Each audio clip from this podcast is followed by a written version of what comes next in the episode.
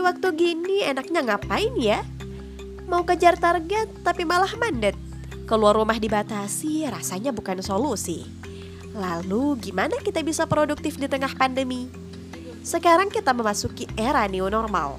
Solutif rasanya dengan memahamkan diri bahwa pandemik mengajar kita untuk memutar otak dengan hambatan yang datang tiba-tiba. Belajar dari Titanic yang harus sigap meski gunung es mustahil membuat panik. Tak perlu pula membuat situasi satu kompleks drama ala The Flu ketika ada warga yang positif COVID. Cukup laporkan pada Pak Lurah dan fasilitas kesehatan. Jangan pula seolah masa bodoh. Nanti pas swab positif malah ceroboh. Belajarlah bersikap cerdas dari Gus Dur. Tenang dan optimis, maka bijaklah kita.